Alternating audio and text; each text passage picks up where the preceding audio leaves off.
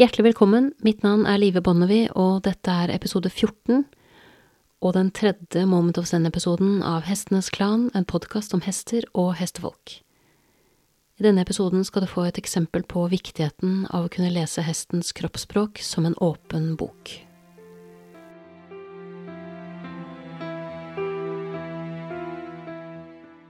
Det øyeblikket jeg skal dele med deg i dag, kunne lett fått alvorlige konsekvenser hvis ikke alle involverte hadde reagert raskt. Det var midt på vinteren og sent på kvelden. Jeg hadde vært ute og ridd, og hadde nettopp salta og holdt på å gå over hesten min. Mens jeg holdt på med dette, så ble de andre hestene på gården tatt inn for kvelden. Og to av dem ble leid rett forbi hesten min, det er i og for seg ikke noe uvanlig med det, men det som var litt uvanlig, var måten hesten min hilste på den ene av de to andre hestene. La meg kalle den hesten for Jarpur. Hesten min hilste på ham med en interesse som ikke i det hele tatt sto i forhold til at de to hestene nettopp hadde stått ute sammen hele dagen.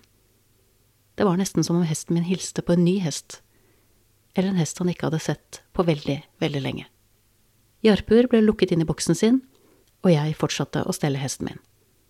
De som drev stallen, trakk seg tilbake for kvelden, og vi ble enige om at jeg skulle slukke og lukke når jeg gikk.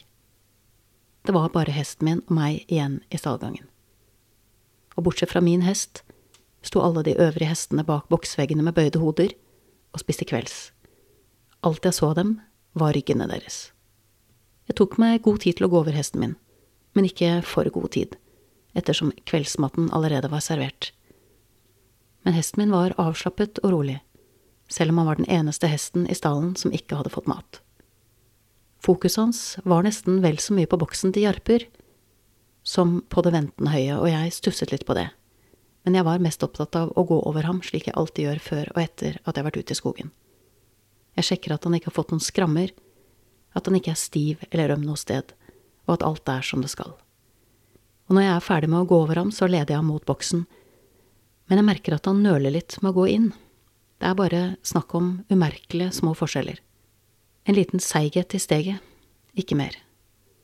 Jeg blir med ham inn i boksen og sjekker at vannet er friskt, stryker ham over halsen, ser han ta de første små bitene av høyet, noe som er en veldig god måte å vurdere dagsformen til hester på. Måten de spiser, tempoet, iveren, alt dette forteller mye om dagsform, tannhelse og allmenntilstand, slike ting, og det var ingenting å anmerke. Alt var så normalt. Jeg lukket meg ut av boksen og gikk til stalldøren og skulle til å slukke lyset. Så stoppet jeg. Det var summen av de små tingene som hadde vokst seg litt større, og nå holdt de meg tilbake. Måten hesten min hadde hilst på Jarpur.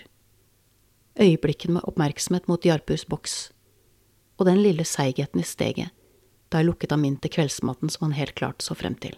Jeg snudde og gikk inn i stallen igjen. Alle hestene sto fortsatt med hodet senket og spiste, men da jeg lukket meg inn i boksen til Jarpur, så jeg at han ikke hadde rørt maten. Han sto urørlig med hodet senket og så ikke på meg. Meget uvanlig atferd for en islandshest midt på vinteren, å ikke kaste seg over grovfòr. Jeg sjekket pulsen hans raskt. Normal hvilepuls hos en hest ligger på 28 til 40 slag i minuttet. Jarpur hadde en puls på over 60. Pusten hans var godt over normalt, med tydelige flankeslag. Jeg pilte over tunet og banket på.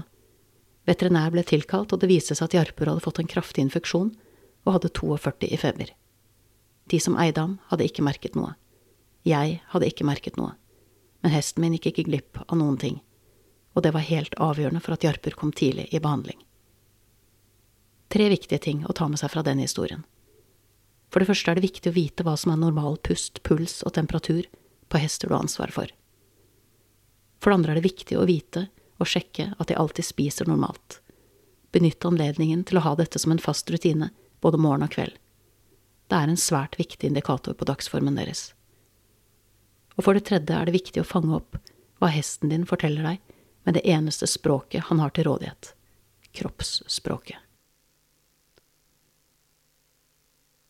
Du har nettopp hørt episode 14 fra Hestenes Klan, en podkast om hester og hestefolk. Takk til min faste komponist Fredrik Blom, og sist, men ikke minst takk til deg, kjære lytter, for tålmodigheten. Måtte hesten for alltid være med deg.